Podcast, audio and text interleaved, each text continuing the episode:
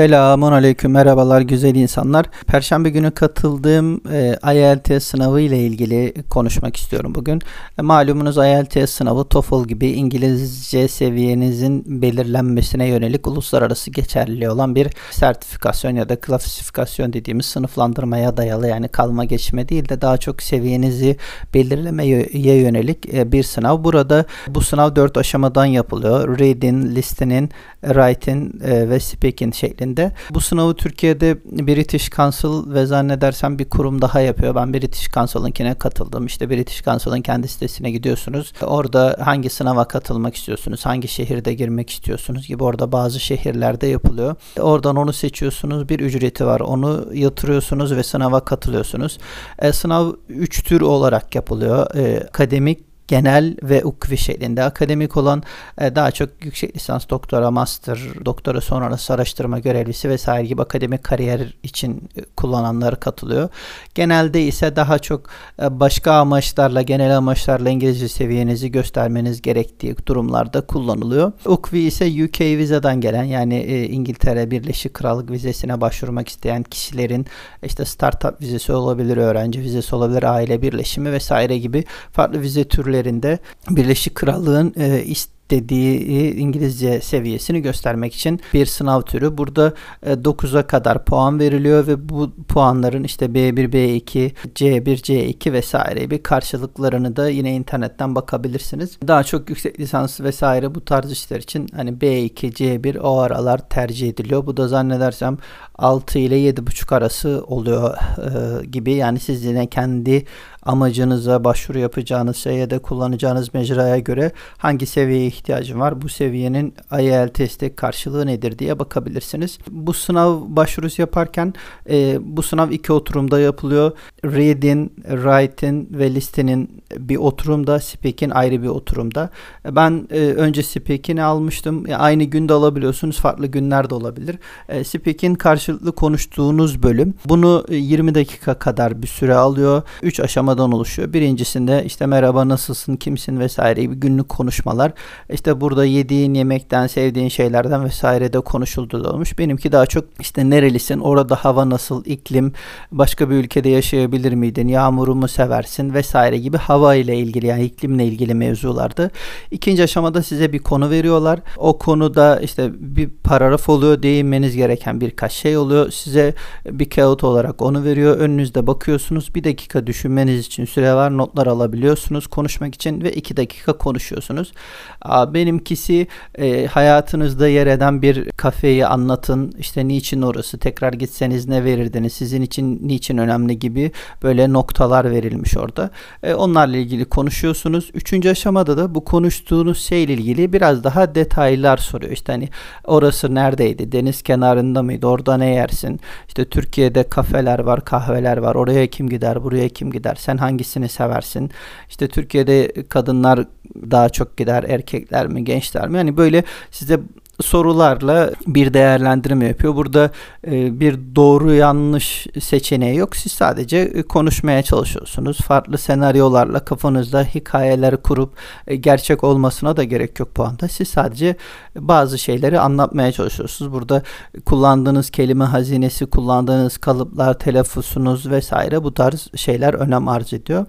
Diğeri ise diğerinde ise yaklaşık sanırım 2 saat 45 dakika sürüyor diğer oturum. Burada da dediğim gibi e, listening, reading ve writing olarak 3 parça var. Bizim sınav bu sıralamaydı idi. Listening'de siz kulaklıktan dinliyorsunuz. 40'a kadar sorular var. Adım adım kulaklık vesaire ses düzeyi güzeldi.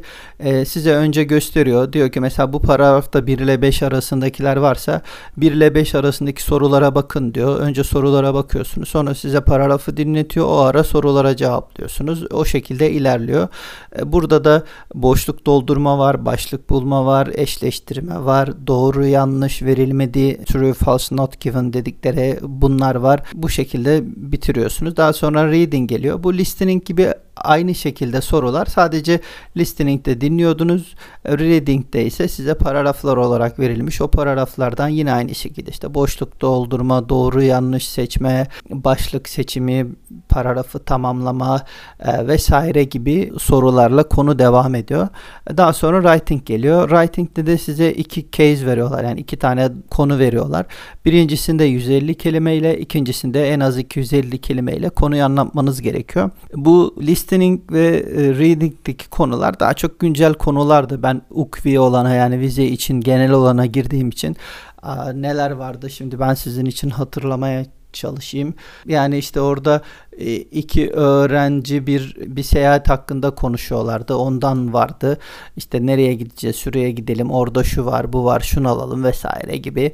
Hani çok kompleks olmayan konulardı. Reading'de yine benzer şeyler vardı. Sadece bir iki konu şeydi böyle biraz benim tam kelimeleri anlayamadığımda yani çünkü baştan sona aynı konu olmuyor. Mesela 1 ile 10 arasında bir konu varsa 20 ile 30 arasında belki farklı bir konu oluyor.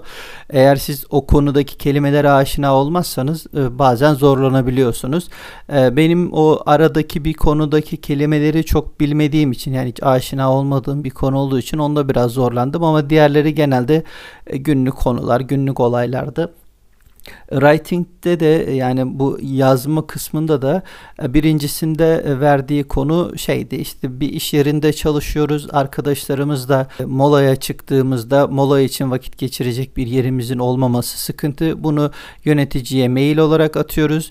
Sık bunu atarken de üç noktaya değinmemiz gerekiyor. Derdimiz ne niçin bu sıkıntı var? Bunun için çözüm olarak nereyi bir dinlenme odasına çevirebiliriz? Bunun avantajları ne olacak gibi bunları veriyor. Siz buna göre yazıyorsunuz işte ya işte bu bir hikaye zaten. İşte bizim e, işte ikinci katta en çok çalışanımız ikinci katta. Orada balkonu olan bir toplantı salonu var. İşte burayı dinlenme odasına çevirebiliriz. Sigara içen arkadaşlar balkonda sigara içebilir. Burada şunu yapabiliriz. Bunu bir tane PlayStation koyabiliriz. Şöyle yapabilir havalandırma yapabiliriz ki burada hani çay kahve bir şeyler de atıştırabilelim. Bu sayede farklı şekilde molaya çıkan insanlar diğerlerini rahatsız etmemiş olur. Orada işte diğer iş arkadaşlarıyla sosyalleşebilir vesaire gibi konularda bir metin yazıyorsunuz. Diğerinde ise ikinci konuda da İkinci konuda biraz daha uzun yazmanız gerekiyor. O biraz daha kompleks oluyor genelde. İkincisinde de şey diyordu. Uluslararası spor etkinlikleri ev sahibi ülkeye faydadan çok zarar verir. Bu fikre katılıyor musunuz? Katılmıyor musunuz? Katılıyorsanız ya da katılmıyorsanız açıklar mısınız? İşte orada da anlatıyorsunuz. Yani işte bu etkinliklerin iyi yönleri şunlardır, kötü yönleri şunlardır ama iyi yönleri daha fazla olduğu için bana göre fayda daha çok fayda sağlamaktadır. Ne bileyim işte kült sen hani kötü olduğunu düşünüyorsan işte kültürleri yok etmektedir. İşte kalabalıktı, şuydu, buydu vesaire. Bu kadar kalabalığı kontrol etmek zor olabilir. Yani neler düşünüyorsan onları yazabilirsin. Önemli olan burada farklı kelimeleri, farklı kalıpları, farklı cümle yapılarını kullanabilmek, mümkün olduğunca e, tekrar etmemek. İşte atıyorum birisinde because dediysen bir sonrakisinde that's why deyip hani e, o farklı cümle kalıplarını e, farklı şekillerde kullanabildiğini, e, farklı kelimeleri kullanabildiğini vesaire göstermek burada amaçlanıyor. E, bu şekilde bu oturumda totalde 2, 2 saat 45 dakika gibi sürüyor galiba. Her defasında işte giriyorsunuz mesela listenine başlayacağınız bilgisayar da kullanıcı adı şifre e, alanı geliyor. Size bir kağıt dağıtıyorlar. Orada bilgileriniz var. Kullanıcı adı ve şifreniz var. Onu giriyorsunuz. Sınavınız başlıyor. Bu aşama bitti. İşte reading'e geldiniz. Reading için tekrar kağıt dağıtıyorlar. Herkes aynı anda başlıyor. İşte sonra writing'e geliyorsunuz. Yine aynı şekilde farklı kullanıcı adı şifre veriyor. Hepsini tamamladığınızda teker teker çıkıyorsunuz. Sınavınız tamamlanmış oluyor bu şekilde. Speaking dediğim gibi o ayrı bir oturumda yapılıyor. Onu da gidiyorsunuz. İşte her ikisinde de British Council için söylüyorum. Eşyalarınızı bırakacağınız dolap var. Oraya işte montunuz, telefonunuz, cüzdanınız vesaire gibi üzerinizdeki fazlalıkları bırakıyorsunuz. Onun üzerinde anahtar var. Onu alıyorsunuz. Bir de kimliğinizi alıyorsunuz. Giriyorsunuz. E, çıkışta da yine aynı şekilde anahtarınızı açıp eşyalarınızı alıp devam ediyorsunuz. Hani o konuda sıkıntı yok. Eşya bırakmak konusunda diğer test şeylerini bilmiyorum ama British Council'ın ki bu şekilde düzenli. Sakin olursanız, stres yapmazsanız sizin için güzel olur. Çünkü stres anında insan özellikle şu maskeli dönemde e, hani speaking'de mesela karşıdakini anlamak zor oluyor ya da anladığını belki tam telaffuzunu karşıya geçirmek zor oluyor. O yüzden sakin kalıp nefesinizi kontrol edip acele etmeden tane tane anlatmak çok önemli. Sınavda da işte özellikle listening'de duydum mu duyamadım mı şu mu olacak yanlış mı anladım vesaire. Sakin olun. E, bir şekilde anlayacaksınız. Arada bazılarını kaçırdığınız olabilir. Sonuçta full yapmak zorunda değilsiniz. E, yanlış doğruyu götürmediği için anladığınız kadarını yazabilirsiniz. Belki doğru olur, yanlış olur vesaire ama denersiniz şansınızı. İşte her 5'ten 3'ünü 4'ünü yazsanız zaten çoğu kişi için yeterli bir skor olacaktır. Hani bir net olarak yazsanız diğerlerini de yazın da hani emin olarak yazabilseniz, yapabilseniz. O yüzden sakin kalın, heyecan yapmayın. Siz zaten hani yıllardır İngilizce okuyorsunuz, sınava giriyorsunuz. Bu daha önce girdiğiniz sınavların hepsine göre e, daha kolay. Çünkü burada sizden e, bir doğru yanlıştan öte sizin seviyenizi anlamaya yönelik bir sınav.